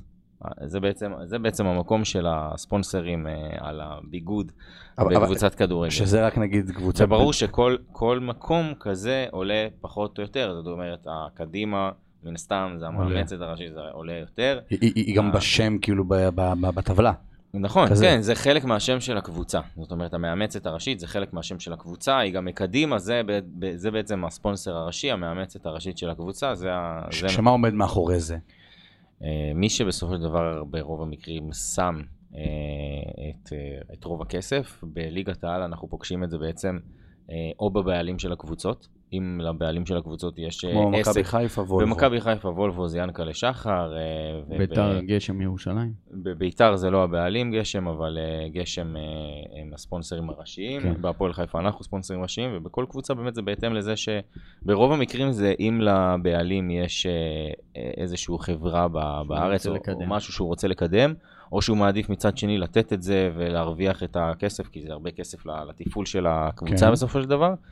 אה, וכמובן שמי שנמצא על הגב אה, משלם פחות, ומי שנמצא על הגב התחתון עוד יותר משלם פחות, ומי שנמצא על המכנס זה עוד יותר אה, פחות, וככה בעצם כל קבוצה מתמחרת את, ה... שטחי את, פרסום. את השטחי פרסום שלה, של החולצות שלו, וזה בעצם אה, תקציב, חלק גדול מהתקציב של, נכון. של הקבוצות, זה קורה בכדורגל, זה קורה בכדורסל, זה קורה בכל מקום.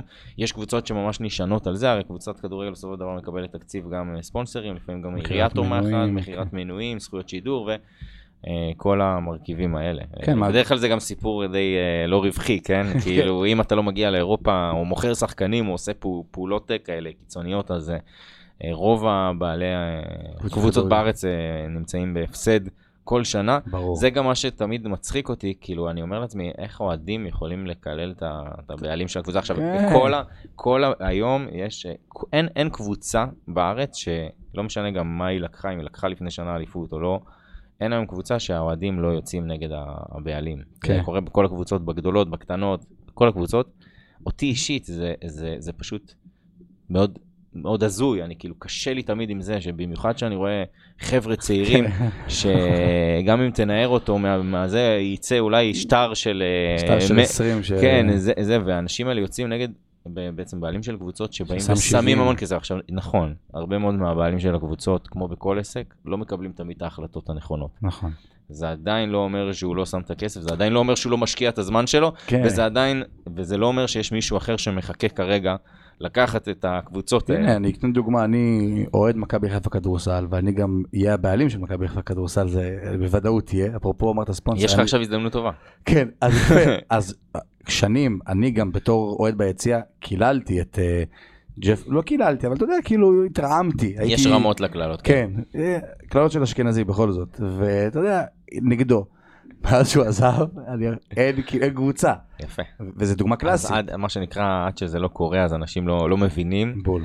וזה נורא קל לבוא ולצאת על אה, בעלים של קבוצה. אנשים פשוט לא מבינים שהאנשים האלה שמים כסף שיכול להישאר אצלם, משקיעים זמן שיכול להישאר אצלם, וזה, זה, נראה כל כך הזוי, כן. כן. לא משנה איזה קבוצה, ובכל קבוצה זה קורה, ואני חושב שזו תופעה שצריך אה, באמת להוקיע אותה. אפשר לבוא ולעשות אה, הפגנות ולדבר וזה, אבל אה, פה בישראל זה לפעמים אה, חוצה גבולות, וזה הזוי לחלוטין.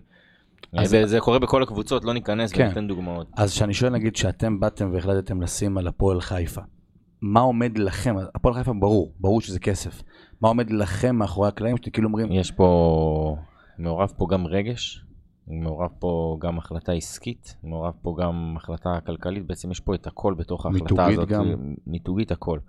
אה, קודם כל ברגש, אה, שותף של ליטל, הוא עד של אה, הפועל חיפה, והוא גם שיחק בהפועל חיפה. וואלה, אז זה החיבור המיידי. הראשוני והבסיסי והמיידי. אנחנו חברה שהיא חיפאית, אנחנו אנשים שאנחנו חיפאים, לבוא ולעשות את זה בעיר חיפה מבחינתנו זה הבסיס והדבר ביג. הכי, הכי טבעי שיכול להיות. חיבור לחיפה, לאנשים בחיפה, לאוהדים בחיפה, זה דבר שמבחינתנו ברמה הרגשית הוא ברמה הגבוהה ביותר. לקחנו את זה גם במקום של אה, תרומה לקהילה. לעשות דברים. מעבר לזה שאתה נותן חסות, אתה גם אה, בסופו של דבר עושה פעילויות בכל מחצית, ואנחנו עושים גם דברים שאנחנו גם לא חייבים לעשות, אבל אנחנו עושים אותם מכל הלב לאוהדים, כן. אם זה לפני הדרבי ואם זה בפעילויות מחצית, ואנחנו באמת אה, עושים את זה ממקום רגשי, אישי, אה, הרבה לפני הצעד הפרסומי, כלכלי, מיתוגי. אם נגיע להחלקה, להחלטה באמת העסקית שעומדת מאחורי זה, כי בכל זאת אה, זה חברה, אה, אז ברמה הבסיסית כן, יש פה מיתוג נורא גדול, אני יכול להגיד לך שאני פוגש את זה כל יום, אה, ודווקא לא באוהדים של הפועל חיפה, זאת אומרת, אני פוגש את זה, ברור שהאוהדים של הפועל חיפה הם חיים, מכירים, וזה גם העלה לנו את כמות הלקוחות שאוהדים את הפועל חיפה, אין פה ספק. אבל אני פוגש את זה, אתמול פגשתי בכלל אוהד של מכבי נתניה, והוא אומר לי, אה, לאוז מדיה, ואני פוגש את זה בכל הקבוצות בארץ. אין, אין, ו- וזה מגניב. עכשיו, כדורגל זה דבר שנוגע ברגש. נכון. זה אולי בין הדברים, גם אצלי, אצל רוב האנשים, זה נוגע בהם ברגש, והמון בעלי עסקים והמון אנשים שיש להם חברות, גם בסופו של דבר מתעניינים בכדורגל. גם אתה, אתה כל היום יכול להיות סביב המניות, אבל אתה תיתן לעצמך את הכמה זמן להיכנס לאחד מאתרי הספורט ולראות בוא. מה קורה, להתעדכן, להיות בעניינים, כי מי החטיא, מה קרה, כמה נגמרה התוצאה. אז זה פוגש בסופו של דבר את כולנו ברמות כאלה ואחרות, וכאן גם מגיע המקום היותר עסקי. אנחנו עושים את זה כחלק מחוויית לקוח.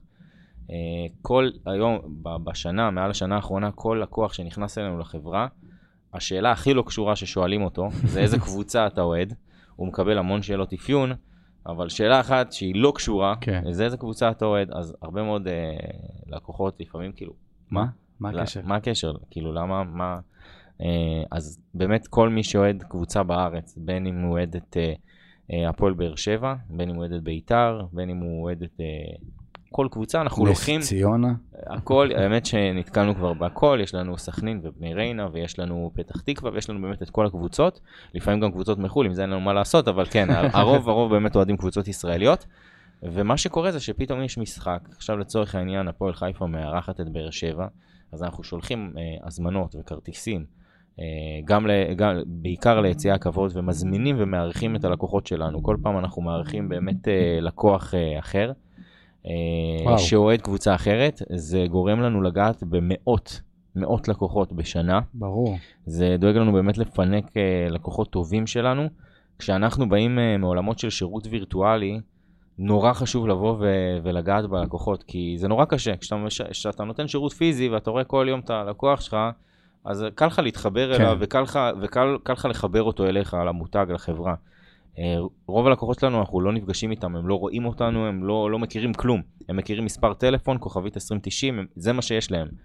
ופתאום כשאתה מביא אותם, ואתה מקבל אותם, ונציג שלנו בא ומקבל אותם, ומקבלים אירוח, ואוכלים, ויושבים במקום הכי טוב, וזה גם מגניב, אתה יודע, פתאום הם פוגשים איזה שחקן מהקבוצה שלהם, או את הבעלים של הקבוצה שהם אוהדים, והם מגיעים למינגלינג כזה מגניב ביציע היהלום, אז, אה, אז זה, זה חוויה שהם לא שוכחים, וזו חוויה שגם שווה כספית הרבה מאוד כסף, ואנחנו שמחים לארח את הלקוחות שלנו ולתת להם את זה. אנחנו משתדלים לגעת בכמה שיותר לקוחות, אנחנו נוגעים בלקוחות של כל הקבוצות, כמובן של הפועל חיפה, עם גם פעילויות ועם דברים והגרלות שאנחנו עושים, אבל גם עם האוהדים של הקבוצות אה, שלא אוהדים כן. את הפועל חיפה. עצם החוויה. אז פה זה באמת מגיע ממקום של חוויית לקוח. הרבה מאוד אנשים חושבים שזה מהלך פרסומי או זה, אבל הרבה לפני המהלך הפרסומי יש אסטרטגיה שלמה, גם ברמת הרגש, גם ברמת החוויית לקוח, וכן, זה גם אה, אחלה פרסום. לא, אני כאילו אומר, זה מקשר אותי למקודם, לקנייה של החברה ולהכל, כאילו, וואלה, כאילו, אני, זה, אין לי מה להגיד חוץ מ, אתה יודע, אם היה אפשר למחוק פה כפיים וזה לא יעשה לכם רעש באוזניים, הייתי מוחה, אני כאילו אומר, לא, אני כאילו אומר כמה חשיבה יש פה, נכון. מאחורי אותו לקוח, שבא, כי, כי באמת, מי שמסתכל וטיפה מעורה במספרים, זה באמת לא איזה עסק שהוא רווחי לשים אה, ספונסר במיוחד הקבוצה בליגת לא העל. לא רווחי ו... בגדול, כן, כן, אבל אם אתה יודע לבוא ולעשות את זה מתוך מהלך שהוא נבון, חכם וכלכלי, ואתה יודע איך אתה עושה את זה, אז זה מאוד מאוד מצליח ומאוד מאוד, מאוד טוב, לא סתם גם המשכנו לשנה נוספת, נכון. זאת הולכת להיות כבר השנה השלישית שאנחנו ספונסרים, שנה שנייה בתור ספונסרים ראשיים, שנה שלישית, uh, בתור, שלישית בתור בכללי בספונסרים. Uh, דרך אגב, uh, אם אתה קצת מחובר להפועל חיפה בכדורגל, אז מעל לעשור לא היה ספונסר שהמשיך לשנה נוספת. נכון. אני חושב שזה לא קרה איזה 15 או 20 שנה, uh, אז זה, כן. גם, זה גם משהו שחשוב לציין. אה, גם היועצי שיווק שלנו בהתחלה, שאמרנו להם שיתחילו לשאול, כל לקוח שנכנס לאיזה קבוצה הוא אוהד, הם היו בשוק טוטאלי, אה, גם לקח מאוד קשה, זה, זה היה נורא קשה, כאילו, מה, למה ש... כאילו, הם לא הצליחו להבין מה המהלך שאנחנו עומד מנסים מאחורי. לעשות, מה, למה. אה, והיום, זה, זה, זה, זה מטורף, כי הם מקבלים את הפידבק, כי אותו לקוח שלהם, שהגיע למשחק, והם אפילו לא יודעים שהזמינו אותו למשחק לפעמים, ו- ופתאום הוא הגיע למשחק ו- ונתנו לו כרטיסים, הוא פתאום נותן להם פידבק, וואו, המון תודה, איזה ברור. כיף, אתם חברה זה מטורפת. גם אפילו מכבד לפעמים את- את כן. הילד, הילד שלו, שלאמא יש עסק. כן, ו- ופתאום זה מחבר את, את כולם, ומה שאמרתי, נוגע ברגש. בסופו של דבר אתה נוגע לאנשים וואו. ברגש, והיום כבר באמת אנשים, כאילו, הנציגים, וכולם יודעים ומכירים, ואנחנו גם נצטרך להתמודד עם התמודדות מאוד קשה בדרבי הקרוב, אה, וגם הדרבי שהיה היה לא פשוט, אבל אנחנו, שזה תמיד כן. יהיה הצרות שלנו. ש- ו... בדיוק, שאלו יהיו הצהרות. אז יש לי, יש לי, אז אם אנחנו חוזרים, שדיברנו על מודל החסויות, על מודל הפרזנטור, ואיפה איפה, איפה שם זה, זה פוגש? אנחנו בעצם ייצרנו מוצר אה, בפרספקטיב שהלקוח לא צריך לעשות כלום. הרבה מאוד היום ממי שנותן שירותים של יצירת תוכן, אה, סרטונים, אה, מחייבים אותו לבוא, להצטלם, להיות חלק, ולא בעצם נותנים לו מענה, אז אנחנו ייצרנו מוצר, שגם אה, מבחינה כלכלית העלות היא יחסית מאוד מאוד אה, נוחה וטובה לבעל עסק, שהוא לא צריך להגיע להצטלם. אנחנו יודעים לייצר לו את התוכן ממש, את הכל, את כתיבת התוכן, צילום, עריכה, את הפרזנטור, הוא לא צריך לעשות כלום. וואלה. הוא רק צריך אולי לדבר טיפה באפיון שיאפיינו מה העסק שלו ואיזה דברים הוא רוצה לתת דגש, זהו. אנחנו מביאים לו את התוכן, מגישים לו אותו, יאללה. ויכולים לצאת לקמפיין, הוא, הוא, לא, הוא, לא, הוא לא תלוי, הוא לא צריך לפנות זמן בכלל, והוא מקבל תוצר, הוא יכול לבחור את הפרזנטורית מתוך בעצם בחירה של פרזנטורית שאנחנו נותנים לו. זה מוצר שהוא ייחודי, זה מוצר שהוא להערכתי לא קיים, שהוא לא קיים. הוא לא קיים, וזה מוצר שהוא באמת uh, מדהים, מתוך מחשבה באמת שקודם כל אנחנו צריכים לתת את כל המענה. Uh, לא צריך שבעל העסק יתחיל לחפש איזשהו פרזנטור, פתאום ישלח איזו עובדת שלו, העובדת שלו לא לא תדע, רוצה. לא רוצה, קצת מתביישת, לא נעים לה, הבטיחה לו שהיא תלך ותצטלם, היא לא, לא אמרה את הדברים טוב, היא לא רגילה לעבוד מול מצלמה, כל מיני סיטואציות מאוד מאוד מוזרות ש, שלפעמים קורות ולא צריך להתמודד איתן, אז ייצרנו פה מוצר. וואו. למי זה טוב? פחות לגיא נתן, כן. אה, כי גיא נתן רוצה לעמוד בפרונט וגיא נתן הוא המותג, אבל כמו שאמרתי, הרבה מאוד מהחברות עורכי והעסקים... דין, רואי חשבון. עורכי דין גם אוהבים אה, אה, להציג כן? את עצמם, כי הם כאילו בסופו של דבר הפר... נכון, הפנים. הפנים של העסק, אבל אה, המון המון המון חברות, מגרשי רכבים, אה, מכללות, אה, המון המון נותני שירות, חברות השמה, חברות משאבי אנוש, כל בעצם חברה וגוף גדול. הרבה מאוד פעמים המנכ"ל כאילו בכלל לא, לא מוכן להצטלם ובכלל זה לא רוצה לעסוק בזה. וגם למען האמת, אם אתה יכול לבוא ולהביא דמות שתייצר יחסי המרה טובים יותר, כן. תעביר את המסר טוב יותר, תמשוך את העין יותר טוב, כי לפעמים אנחנו אוהבים להסתכל מה לעשות על אנשים שנראים טוב נכון. ועוברים מסך טוב, זה האמת, אין מה לעשות, צריך להגיד אותה. ברור. אז למה לא? כאילו, זה גם פשוט, זה גם זול, זה גם יותר טוב, אז כאילו, למה, למה, למה לא? ואתה יודע מה? אני תמיד אומר, למה או-או אם אפשר גם וגם? נכון. בוא תבוא, תעשה גם אתה. ובלי שום קשר. נביא גם פרזנטורית. אפשר להריץ סרטונים במקביל, להריץ את שני הזה. מה שילך יותר טוב, שימשיך. בוא ניתן לסוס המנצח לנצח ולהמשיך. אם מישהו יודע לייצר לידים, המרות, רכישות בעלות יותר נמוכה, שירוץ. אולי אנשים יתחברו יותר לדמות נשית, אולי לדמות גברית, אולי אה, מישהי עוברת את המסך יותר טוב, אז וזה מתקשר בדיוק למה שדיברנו לפני זה, שלפעמים צריך לתת לא רק למוצר לדבר, ואני חושב, כאילו, ויודע מה הכי טוב, אלא כמו שאמרת, בוא ניתן שנייה ללקוח, לה, כאילו, בוא ניתן למוצר להקשיב, בוא ניתן ללקוח מה הוא רוצה. לפעמים אה, בעלי עסקים וחברות חושבים שהם יודעים מה טוב ללקוחות שלהם, אה, ולפעמים זה נכון ולפעמים זה גם לא נכון. ולפעמים באמת צריך לתת, לדעת, לתת ללקוח להחליט, לתת לו לראות ולהתבסס על נתונים. לאנשים נורא קשה לפעמים אה, להבין שהנתונים לא, לא תואמים את הדעות שלהם. אז לפעמים באמת צריך, בוא נראה את הנתונים, בוא נראה את התוצאות ונחליט ונהיה חכמים. אני אוהב לעבוד על בסיס נתונים. שזה הכי אני טוב. אוהב ל- ל- לצורך העניין שבקמפיין רץ סדרה של סרטונים, ולראות איזה סרטון הביא את התוצאות הכי טובות. אוקיי, זה הביא אה, ליד ב-50 שקל, וזה הביא ליד ב-80 שקל.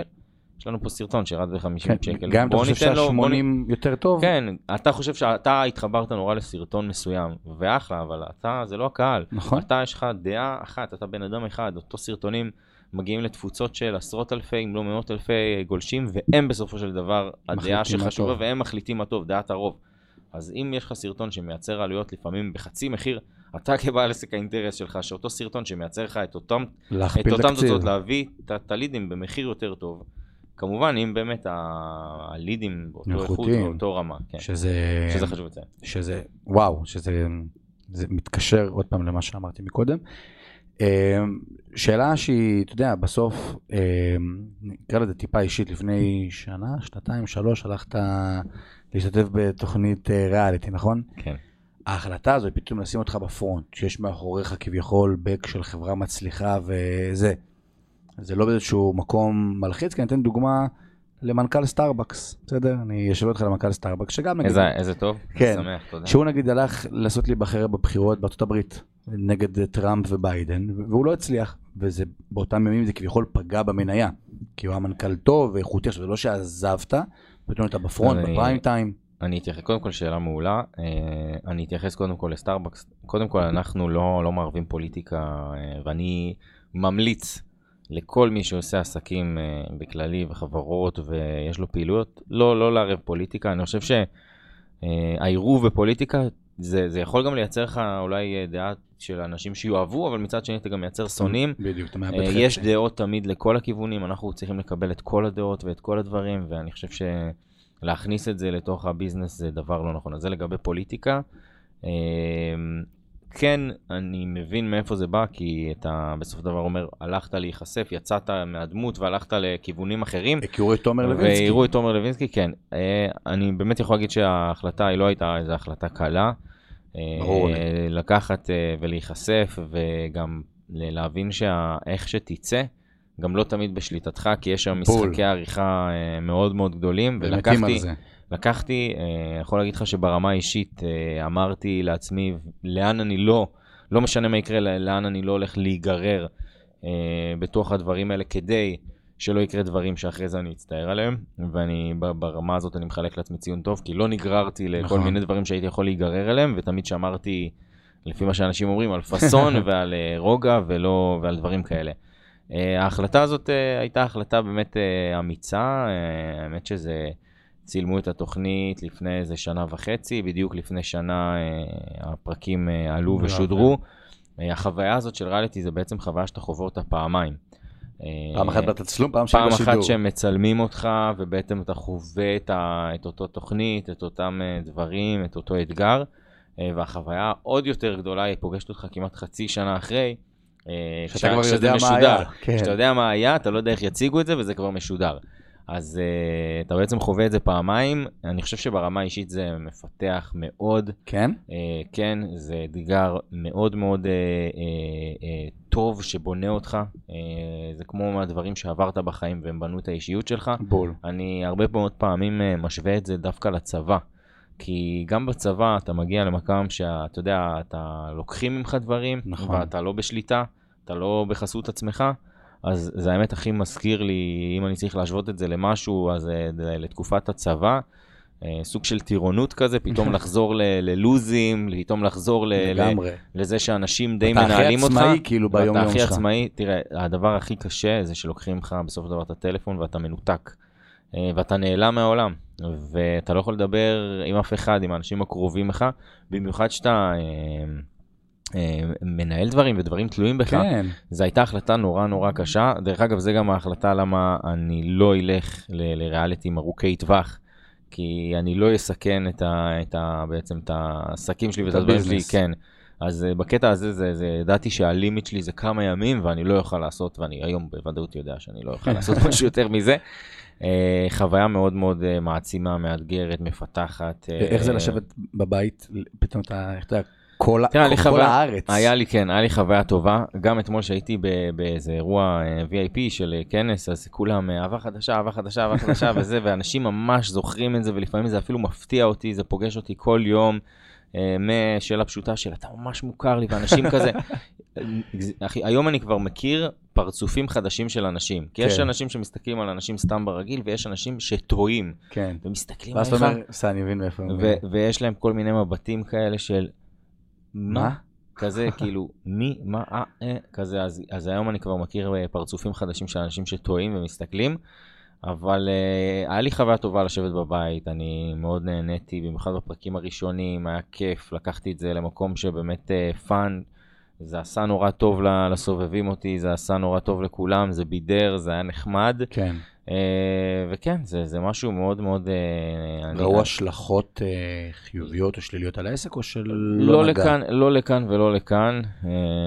פחות, תראה, היום לא כולם בכלל יודעים שיש קשר אה, בכלל ביני לבין החברה. נכון. זאת אומרת, לקוחות שבאים לחברה, הם לא בהכרח יודעים מי הבעלים, רוב הלקוחות לא יודעים מי הבעלים, מי כן. המנכ"ל, כמו שאני אשאל אותך עכשיו, אה, סתם, איזה חברת סלולר אתה? אני בסלקום. אתה בסלקום. אתה יודע מי המנכ"ל של סלקום? אין לי מושג. יפה. אז בדיוק אותו דבר. כן. אז כמו שאתה לא יודע לפעמים מי המנכ"ל או הבעלים של חברות שאתה לקוח שלהם, אז גם אצלנו. אז לא היה לזה באמת פידבק בדברים האלה. כן, היה כל מיני לקוחות ששמעו והגיעו דרך זה בקמפיינים שאני מופיע בפרסומות, אז כן, זה טיפה נהיה יותר ויראלי, ופתאום קיבל גם תגובות אה, לא כן, קשורות, כאילו, אתה יודע, אתה רגיל, תגובות של מתעניין לפרטים, אה, פתאום... איך הוא אה, עשה לה את זה כזה? כל מיני תגובות אה, כאלה ואחרות, אה, אז, אז כן, אז... אה, אה, אז לא משהו יוצא דופן, לא משהו שהשפיע, לא משהו שאמרתי, הרים בטירוף או הרס, זה משהו שבחוויה האישית זה יותר אישי, זה, זה ממש משהו ש, של תומר לוינסקי כבן אדם, כישות, שזה זה היה מגניב גם ללכת קצת להשקות, והאמת כן. שהדבר הכי טוב שיצא לי מהתוכנית, שזה מצחיק, אתה הולך לתוכנית של אהבה והיכרויות, אז הדבר הכי טוב שיצא לי זה דווקא חברים. כל הגברים שהיו בתוכנית, גברים אחד-אחד. גברים תרתי משמע. כן, גברים תרתי משמע, באמת. אני בקשר עם אה, רובם, באמת, זה, זה דבר מדהים. הכרתי שם אנשים, חבל על הזמן, וזה חברים, וזה כיף. באמת אנשים, בגלל זה גם אני אומר שזה נורא מזכיר לי את הצבא. כן. כי אנשים אומרים, מה, איך התחברת באמת? כאילו, איך, מה, מה, מה זה קשור? כי לא יודע, כמו שאתה נמצא עם אנשים בצבא, והם חברים שלך לפעמים, ואתה בקשר איתם עד היום, וזה אנשים שאתה עברת איתם דברים, אז כשאתה עובר עם אנשים דברים, אז לפעמים אתה לוקח אותם איתך, אז זה ממש ממש כמו בצבא, וזה אנשים... אה, באמת, אה, הכרתי אנשים שהם חברים עד היום, ברמה שמשוחחים באמת, אה, אם לא כל יום אז כל שבוע, ויש וואו. לנו קבוצות וואטסאפ ולפעמים יוצאים, ו- ובאמת אה, שזה... בקטע הזה זה מגניב. הלכתי לחפש אהבה, אבל uh, מצאתי חברים, uh, למרות שזה מה שקורה ב- לרוב האנשים בתוכניות האלה, כן, אבל זה, זה כבר משהו שם. אחר. ולא יודע, יצא לך להתמודד עם איזה... כזה הישראלי החוצפן עם איזה ביקורת רעה שהגיעה לאינסטגרם, או איזה מישהו שראה אותך ברחוב, כאילו לפעמים אני שם לב שלישראלים אין, חוצ... אין, אין חוצפה. כאילו, כן. כאילו יש המון חוצפה, אין חוצפה כאילו שזה שהם יכולים לגשת כן. ברחוב ולהגיד לך ככה, כאילו, כן. יצא לך להגיד סיטואציות כאלה? אני חושב שברחוב פחות, האמת שברחוב אה, תמיד הפידבק הוא טוב, ובאותה תקופה של התוכנית שזה ממש היה חם, אז אה, הרבה אנשים בו סלפי, בו תמונה, וזה ישראלים אוהבים, ו... ובאמת בכיף, וזה מצחיק. אה, היו, היו הודעות אה, לפעמים, אה, מי אתה ומה זה, וכל מיני ביקורות כאלה ואחרות, וגם אנשים שאמרו שטויות, האמת שגם אני לפעמים לא יכול להאשים אותם, כי המשחקי העריכה שהיו בתוכנית היו נורא לא לטובתי, נקרא לזה ככה. כן. אז זה היה משחקי עריכה שבאמת אני יכול להבין למה אנשים חשבו, כי בנו איזושהי עלילה מסוימת, והייתה צריכה להתאים לתוכנית. אה, אז אני לא מאשים אף אחד ואף ביקורת, אבל בסדר, אנחנו... כן. מי, ש... מי, ש... מי שבוחר אה, לעמוד בפרונט, מי שבוחר לקחת עליו אחריות, אז הוא גם צריך לדעת לבוא ולקבל ביקורת, גם ביקורת מאנשים שאתה לא מכיר, גם ביקורת שהיא לא רלוונטית, ולפעמים אתה גם צריך לבוא ולראות ביקורת שהיא באמת לא קשורה, פשוט לא להתרגש. אני גם ממליץ אישית לא לענות. אנשים בוא נקרא לזה אנשים ש... הוא, הוא רושם. הודעה כזאת, כן. זהו, אנשים ש... אמ, מחליטים. שזה, עכשיו זה גם, אני אקשר את זה לעולם העסקי, את הקטע של לא לענות, הרבה מאוד פעמים בקמפיינים, לפעמים יש תגובות לא טובות על קמפיינים, לא משנה, לקוחות, דברים, פתאום אנשים רושמים דברים לא קשורים. אה, אני תמיד אה, בעד לא לענות ולא להיגרר, לא לרדת נמוך. יש אנשים שפתאום מוצאים את עצמם, אני רואה בעלי עסקים מתחילים להתכתב עם, ה, עם, ה, עם כל מיני תגובות. לא משנה מה, תרשום את הפעם, כן, אתה, אתה יוצא, אתה, יש דברים, סיטואציות שאתה מפסיד מה, מהרגע הראשון, אז במקרים האלה אני באמת, אני קודם כל בגישה שלי שכל בן אדם יחיה וייהנה ושיעשה מה שהוא רוצה, אני לא מבקר אף אחד.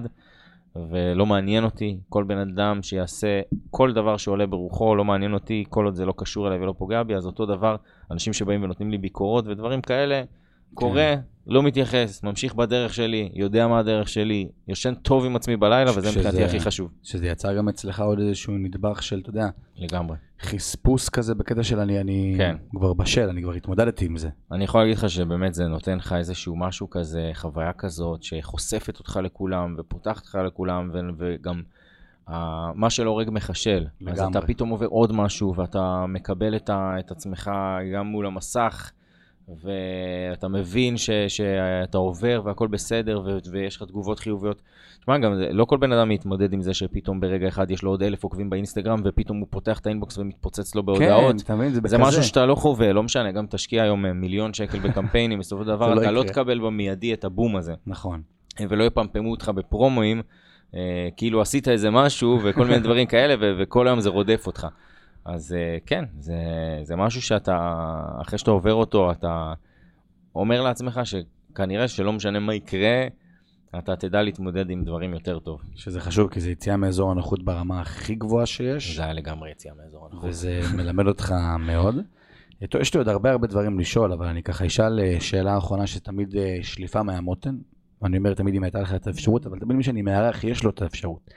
אז אם עכשיו היית מחליט לשים אה, תשדיר פרסומת או איזשהו קמפיין באיילון, לא מסר שיווקי פרסומי, מסר שלך, מתומר לוינסקי, מהדרך שעברת, מהיזם שאתה, שאתה רוצה שכולם ישמעו. אני תמיד אומר שהייתי שם, ואני אשים, כי אני כבר אומר שאני אשים, אז אני חייב לשים. שאנשים עובדים 1920 שעות בשנה בשביל להרוויח כסף, הם אפילו לא מקדישים שעה אחת כדי להבין איך הכסף יכול לעבוד בשבילם. זה מבחינתי, ברגע שבן אדם יקרא את זה, הוא יבין ויסיק את המשמעויות שלו. אז מה שנקרא, השלט שלך. תראה, אני דווקא הייתי לוקח את זה למקום לא עסקי, כי לבוא ולתת אה, עוד איזה משהו של אה, תשווקו את עצמכם או זה ולהיות בנאלי, אז האמת שלא לא למקום עסקי. הדבר הראשון שעולה לי בראש זה מסר יותר של לא לאלימות. אה, זה יישמע נדוש, אבל האמת שאם אני צריך ויש לי יכולת לעשות על שלט פרסום מה שאני רוצה, אז אני חושב שאנחנו נמצאים היום בתקופה נורא אלימה. מאוד. נורא אגרסיבית. שלא לדבר על זה שגם אנשים פה נרצחים, אה, כאילו זה באהלן אהלן. כן, כאילו זה... אז המסר, אה, אם הייתי יכול לבוא ולתת מסר, זה מסר להרגיע, להוריד את הרוחות במדינה, בפוליטיקה, ברחוב, בכביש ובספורט. אנחנו היום אה, נמצאים לפי דעתי בפיק מבחינה הכל. אלימה, בריונית. שיח. לא מקבלת. אנחנו באמת היום בנקודת רתיחה בכל העולמות, אה, ואם הייתי יכול, אז באמת הייתי אומר אה, משהו, מסר של אה. להרגיע, תרגיעו. תירגעו, תחיו בשלום, ו...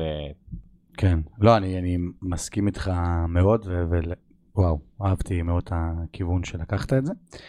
עוד משהו שאתה רוצה להגיד לקהל, לא ראינו, אבל עבר לנו שעה וחצי ככה ב... וואו, שעה כן, וחצי. כן, וככה ב- במהירות.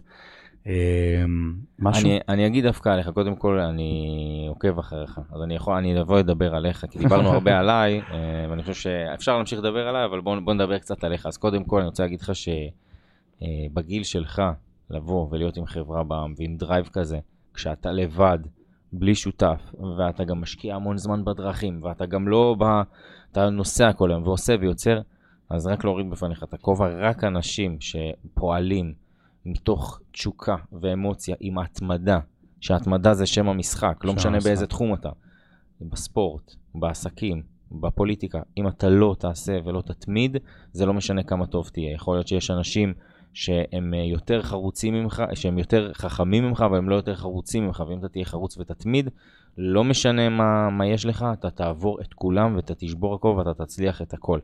אז קודם כל להוריד בפניך את הכובע, וכל הכבוד. אתה נותן המון המון המון ערך למי שעוקב אחריך. הידע והערך שאתה חולק בחינם לאנשים הוא באמת מטורף. אני בעצמי מנסה לעקוב, לראות וללמוד, לי זה יחסית קשה, אני לפעמים אין לי זמן, כן. אבל למי שכן יש זמן שיעקוב אחריך ושבאמת ייהנה מהידע הזה שאתה נותן חינם, ואני בטוח שכמו שאתה כל כך מתמיד ועושה, אז גם הלקוחות שאתה נותן להם שירות מקבלים ממך חוויית שירות שהם לא מקבלים במקום אחר.